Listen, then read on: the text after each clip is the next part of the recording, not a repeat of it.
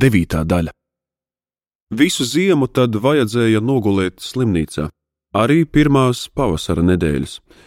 Bija iekaisusi sadragātās kājas ceļgala locītava, negribēja beigt strutot sprākstlodes sašķēdītais stilba kauls, no tā nāca ārā viena skrāma pēc otras.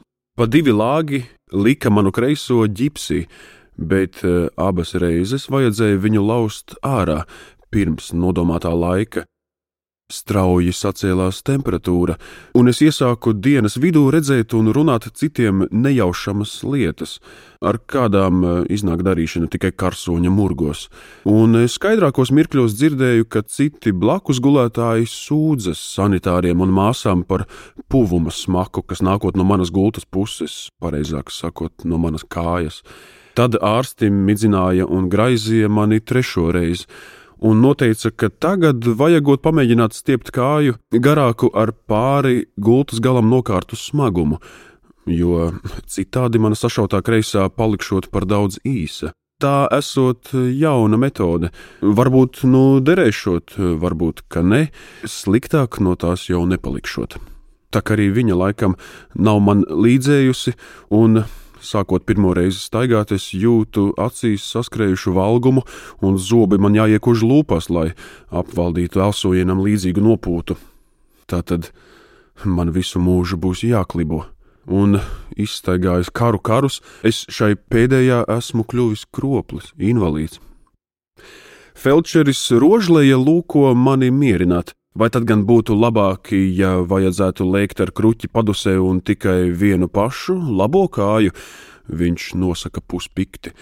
Tagad varēsi staigāt ar spieķi, un, ja kurpnieks pataisīs kreisai apavu ar sprīdi augstāku papēdi un tikpat biezu zoli, tad varēsi bez zvēzdas skriet un kaut vai dansot. Vecais rožleja lāga vīrs tikai mīl palielīties un lūko to darīt arī tagad. Ārsts esot jau taisījies pavisam nogriezt manu slimo kājiņu, teikdams, ka šim esot eh, apnicis ar mani vienu pašu tik daudz piņķerēties. Un tad es viņam teicu, Feldšeris svarīgi nosaka, Dakterkungs, tam seržantam vēl tikai 22 gads. Viņš jau pirms tam četras reizes ievainots, četrus gadus sabijis karā.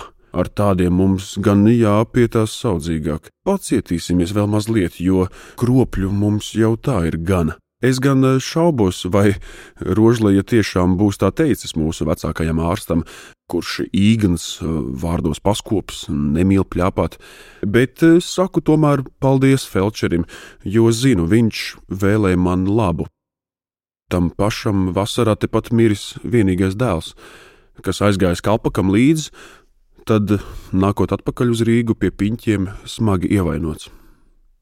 Mūsu palātas logi dārza pusē, un no savas gultas es varu saskatīt, ka līdz ar saules atgriešanos piebrieduši kastaņkokiem pumpuri, no rūsganiem jau palikdami pazaļi. Pa vaļā vērto loga pusi plūst iekšā viņu zaļās dvašas maigums, var sadzirdēt, kā svilpo melnais strasts. Vai jums pēc atvaļināšanās būs kur palikt? Šodien man pavaicāja vecākais ārsts un skatīdamies caur savu brīļu stikliem, mazliet sānis, mierinādams noteica, ka iešanai man esot jau pagatavots parocīgs kreisās kājas apavs, un es tagad būšot valsts pensionārs.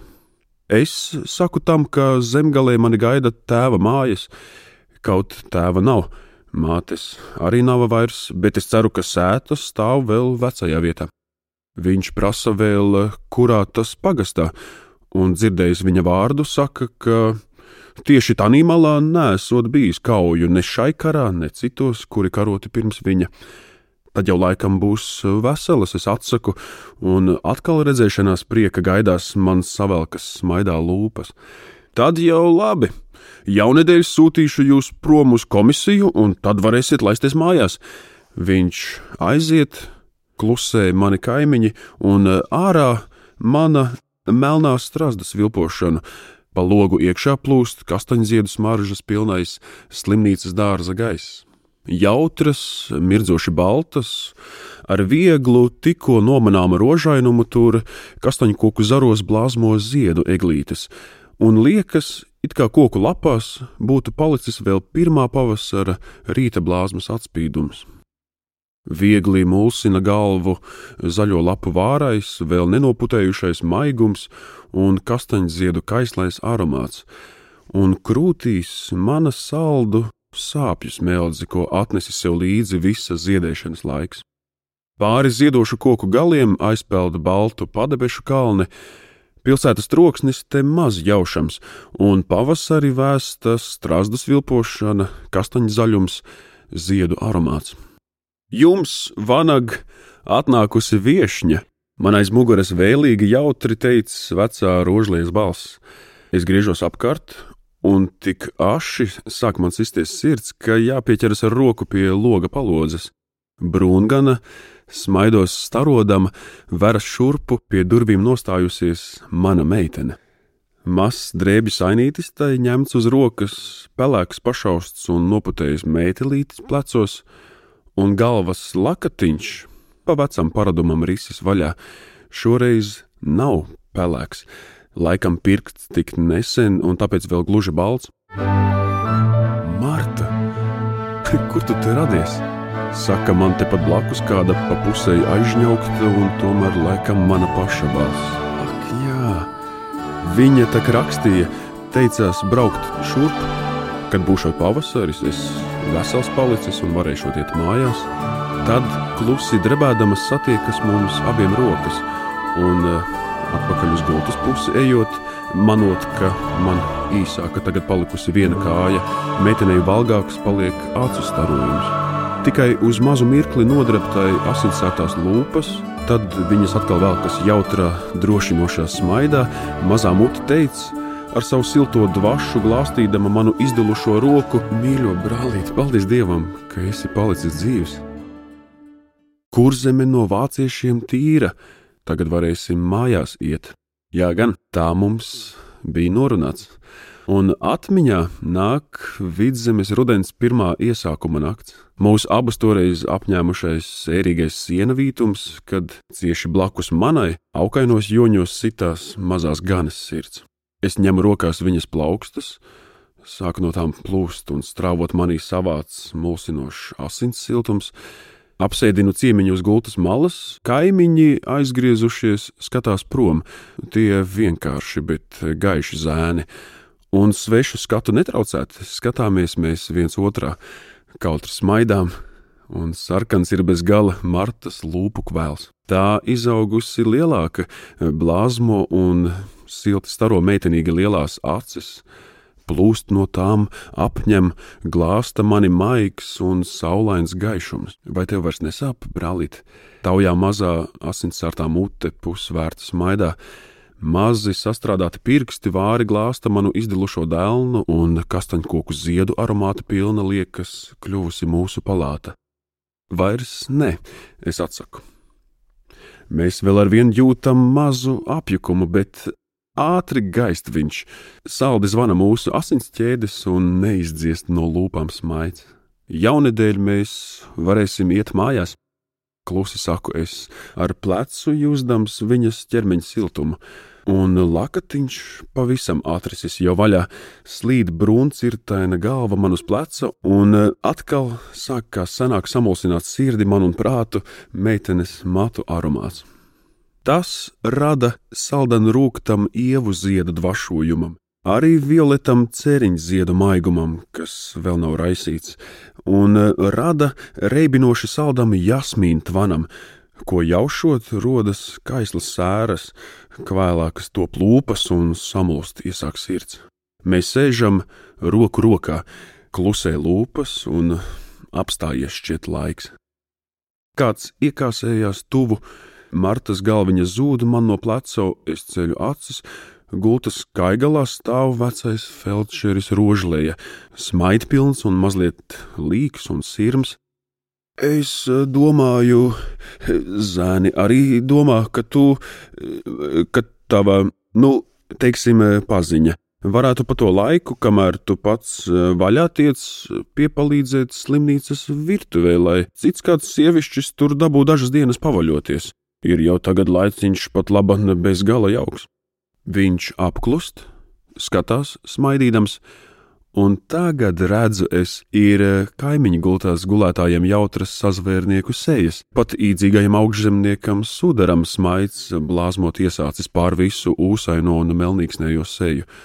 Un eh, Felčerim aiz pleca saskatāms ir viltus pilns un smīnīgs rezeknieša dringas vaigs. Marta piesarkusi, un pats es jūtu sirdī paceļamies maigu vilni, Nē, tiešām, kas to būtu domājis, ka viņiem tas nāks prātā? Cik ātri puišiem ķeroties pie lietas, nu nokārtojies viss. Puikas, jūs esat vēlna zēni, es nosaku, lai būtu kaut kas sacīts, un redzu, ka vēl smaidīgākas paliek viņiem acis, mani neveiklie un smagie patiesības vārdi no sirds nākdami gājuši pie sirds. O, ko nu tur? rūts, sudars, slaucīdams ar plaukstu ūsas.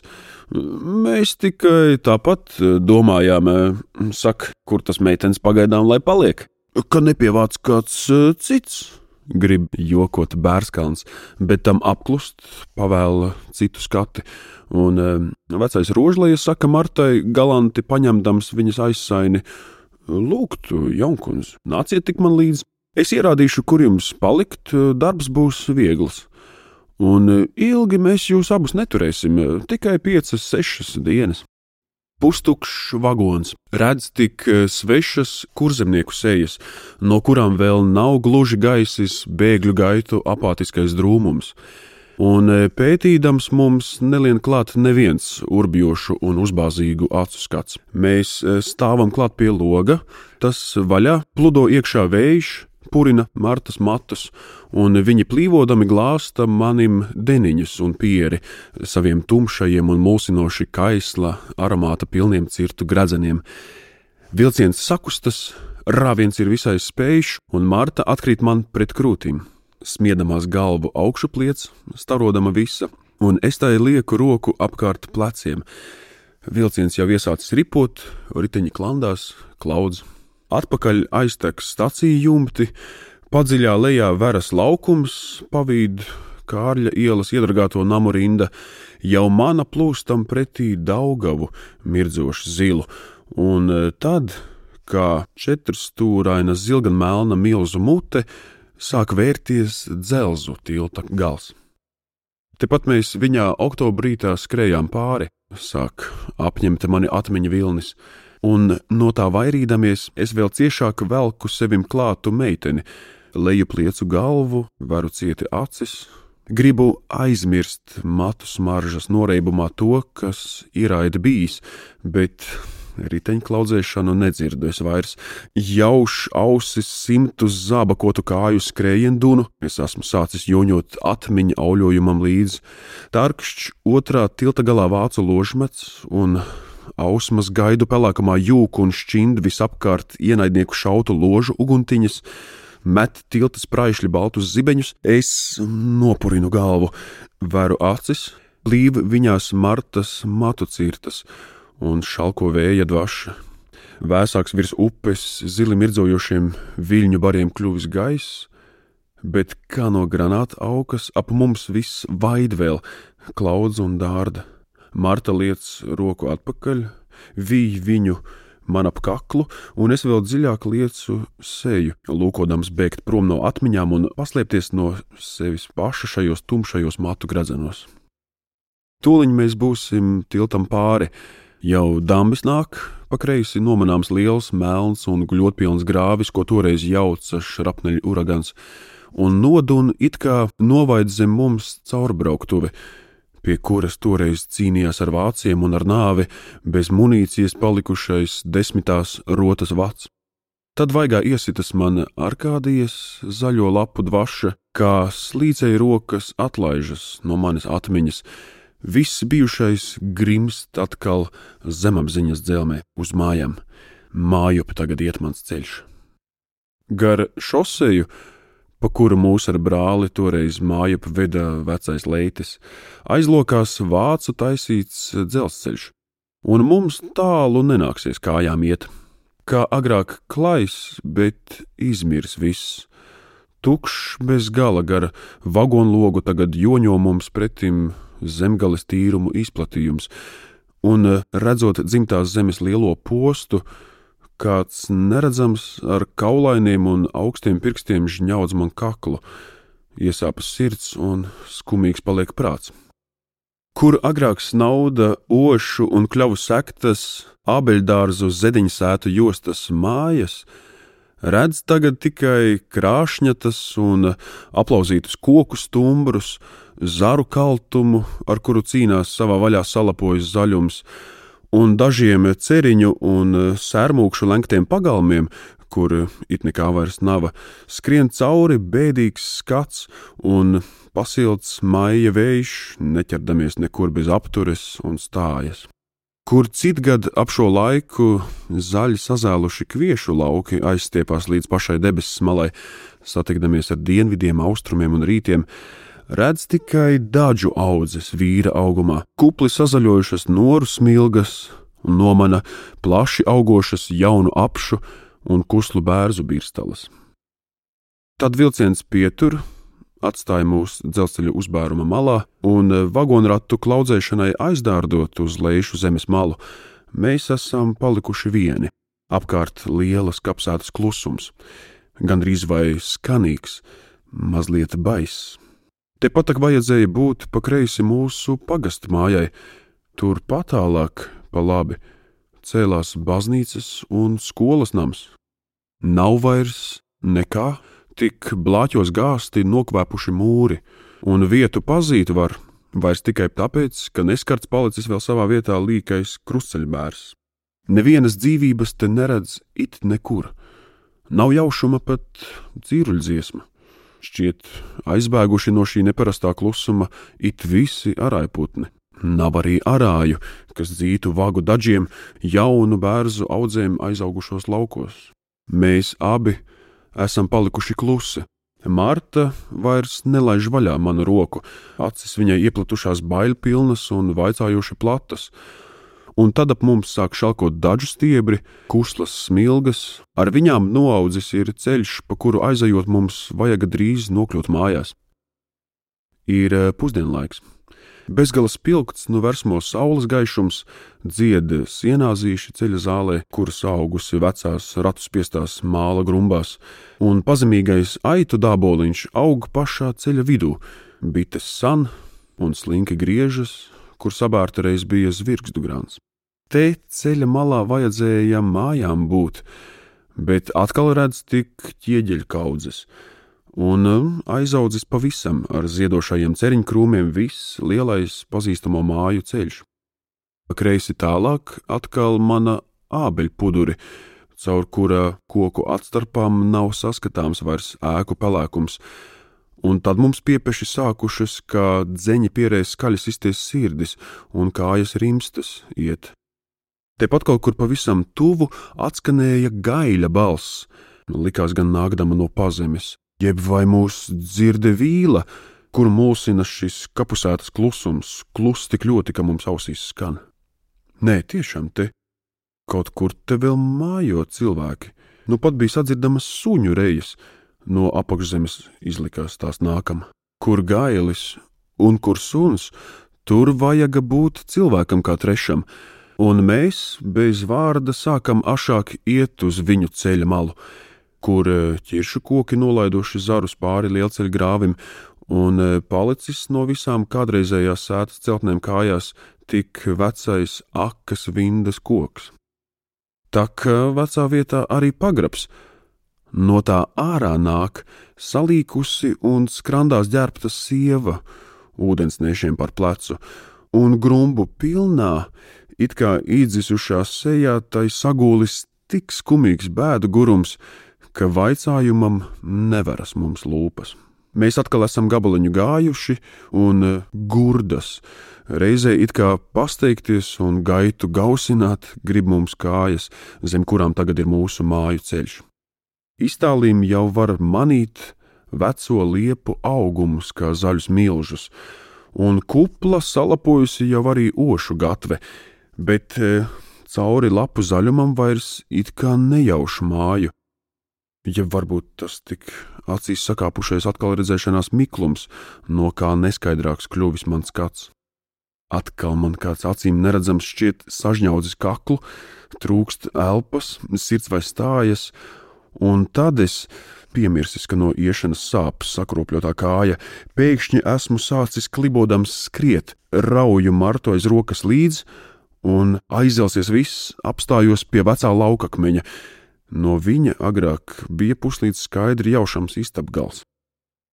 Es skatos turpu, smagi dvašodams, it kā redzu, nē, neredzu nekā, jo acu priekšā man tagad vīd blīva migla, un tad, kā mierinādama skar manu vaigu maza, silta roka, un ausī iedūdojas meitenes balss. No šejienes var labi saredzēt, istaba vesela, kaut gan rādās, ka nav logu. Mēs ejam turpu tieši pāri lielceļa laukam, kas dažiem biezi aizaudzis. Tik eh, retumis, šur tur vēl mana kādu kviešu stiebru, kas palicis kā piemiņa te vēl no viņu bēdu gadu sējas. Pamesto drūvu, veldrējs un kūlis, un eh, lūkojas pēc tam no jauna apsēt rudeņvējš, ar lietus padebešiem iedams pāri atstātam un tukšam lauku klajam. Pa kreisi paliek ošu ceļš, pa labi tuvāk nāk vecās mīļās liepas, tās eh, lielākas vēl pa šiem gadiem stiepušās, un tagad jau starp viņu stumbriem var saskatīt nomelnojušu mājas sienu, ko tiecas aizsekt, sniegdamās jumta malai pretī vībotnes un lupstājas tobri, zāle. Sētu ir zemē gāzes vējš vai sniegs, tā salauzta guļ, iegrimusi dabolā, kas sanācis ir te no lauka dārzā, veikdams mauru, un aklām acīm, tukšiem logu četrstūriem, nu raugās manī mīļais tēva nams. Bezgala smagi topa man soļi, kāpj bēdu vilnis kaklā, acīs sūrs un silts, un krūtīs sirds vai stājas. Ar zaļām sūnām ir noaudzis jumts, vietām pat eh, zāļu stiebrus uz tā mana, un notrupušām lēnēm sagaida mūsu lievenis. Durvis pusvirus, varot viņas vaļā, tās sānos krīt ar čīkstošu un žēlu vaidu pilnu skaņu, un pretim sitas pelējuma dvaša, nāk pretī miklums un trūdu gaiss. Mēs izejam cauri istabām, redz tanī vietā, kur reiz bija tēva galds, caur dēļu šķirbām augšup salīdušas ziepiņu galviņas, un e, zāles istabā, kur toreiz bija celts uz soliem mātes šķirsts, sienas malā ir plaši lausta grīda, arī te mana nākam iekšā tumšu zaļumu. Un e, tad es vēru mātes kambarīša durvis, un logā, ko aizsedzis pavisam jaunu ceriņkrūmu lapu, mazliet iepelēkais zaļums, redz mirdzam violetu gaišumu. Tās pirmo ziedu vālītes, kas paspējušas plaukt un viegli lokās pusdienu vējā, un grīda klāta kustīgiem un vāriem ēnu rakstiem, caur lapu starpām spraužas iekšā saules gaišums, un e, dziļi iesniedzies ar lapām un ar ziediem mātes istabiņā viņas stādītais ceriņkrūms. Te varēs palikt, Artur, te viss jaukāki, un uh, grīda arī cieta. Man blakus klusi pušķukstoši ierunājas Martas balss. Kaktā nolikuši mantu nastiņas, mēs izējam uz pirksgaliem, kā baidīdamies traucēt to, kuras te sen vairs nav. Un atkal čīkst zem mūsu kājām vecie lieveņgrīdas dēļi, un pagalms rāmis zaļo saulē, viss zāļu smaržas, tauriņspārnu un zemes bišķu sanēšanas pilns. Tik biezi tas ir aizaudzis, ka brienam mēs tam cauri kā pa zāļu jūru.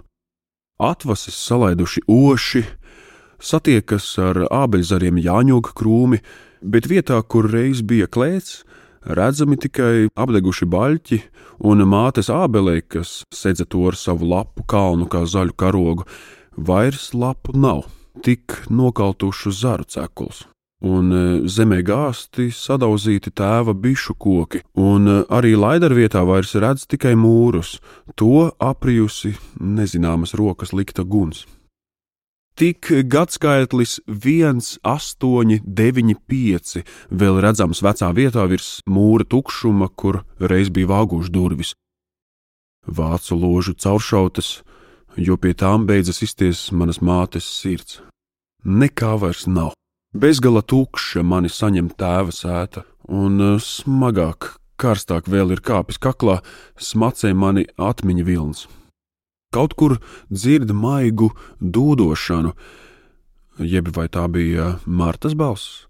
Nē, gaisā noplīv dūju spārni, kaut kas maigs skar manus deniņus, glaužas klāt pie vaiga, un biklu skatu veras manī nolaidies uz pleca zilpalāgs balodītis. Vai, mīļais, redzi? Mēs tak nemaz neesam te vieni, skan blakus Martas balss, kas dūjas dūdošanai rada. Meitene stiepj putnam pretī rokas, un nebēg tas no viņas projām, uzticīgi ļaujas ņemties brūniem pirkstiņiem. Tavu jauku putniņu, to laikam agrāk te bija daudz? Meitene uztraukta un reizē jautra taujā, un e, mājot manim liecas galva, sirds e, grūta, atbildēt vēl nespēja balss, un gurums soļus tur, bez spēka palikušas kājas. Mēs ejam namā visi trīs - meitene, dūju nesdama un es. Un e, mātes istabiņas durvis verot, ar e, zaļu violetu šalkoņu mūs saņem ceriņkrūms. Es paklāju uz grīdas savu veco mēteli, tas redzējis ir vasaras un sniega karus, un e, atlaižos uz viņa. Cieti veras acis, smeldz, gurst un sāp man sirds. Es dzirdu blakus divas balsis, kas skan viena otrai rada, un iet gar pievērtajiem acu plakstiņiem, man garām senu dienu pulki, kad jautras dzīvības bija pilnas mūsu mājas, un apstāja mani aizgājušo ēnas, atpakaļ iesāka tecēt laiks. Mīļo brālīt, neskumsti, nebēdājies, nu, gan jau būs atkal labi. Sāk dūdot man pie vaiga glāstoša un maiga balss kaut eh, mana viņā asaru velzi. Gan jau būs atkal labi. Es protu visus darbus, pats redzēsi. Mierina mani meitene, skaudama apkārt rokas. Jūt sirds caur blūzīti tās eh, mazo krūšu apaļumus, skar seju silts un smaržīgs matu vilnis, kā aromāts ir ceriņziedu maigam dvašojumam rada un e, meklējams sev atbalstu un aizmiršanos, es novelku sev līdzās mazo vingro ķermeni, lūpām sāku meklēt viņas lūpas. Tās veras skūpstam, pilnas asins siltuma un valgas, un no manām vai no viņas asarām mikls kļūst laiks. Un, e, vai no matu smaržas dvašotā mūsuma, vai bēgot no bēdām, sāk asinīs man dunēt kaisles zvani ciešāk apskauj meitenes stāvu manas rokas, saldsērīgi iesāk samulst sirds. Tā nepratojas, uzticīgi ļaujas, pati visa kaist un kvēl. Un pirmo sievas nopūtu tai tver no drebošajām lūpām manas lūpas.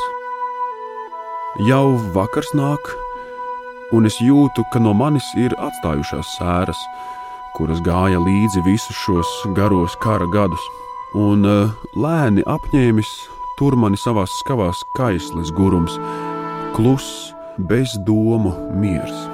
Logā šalts mātes ceriņkrūms, šūpodamies no vakarvēsmas, un viņa violetās ziedu vālītes, šūpodamās zariem un zaļpalākām lapām līdzi, dvašo virs galvām saldas mulsas pilnu noreibumu un maza, uzplaukušai ugunspuķei līdzīga mute, no kuras vēl nav gaisa skūpstu kvēls, jau atkal vidžina un triec, mesdama jaunai dzīvei metus.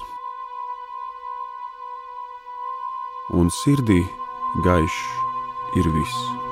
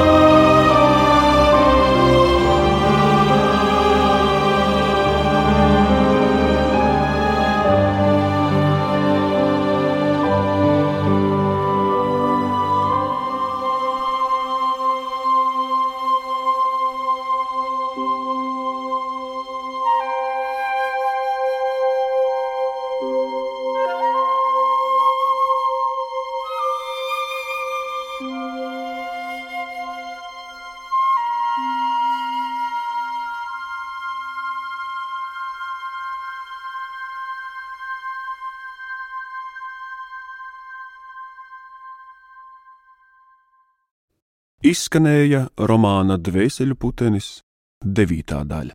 Fragmentus atlasīja Dzintars Drēbergs, mūzikas autore Lolita Ritmanis, skaņu režisors Ivo Tauriņš, producente Māra Eglīte, lasīja Raimons Celms. Latvijas radioteātris 2019.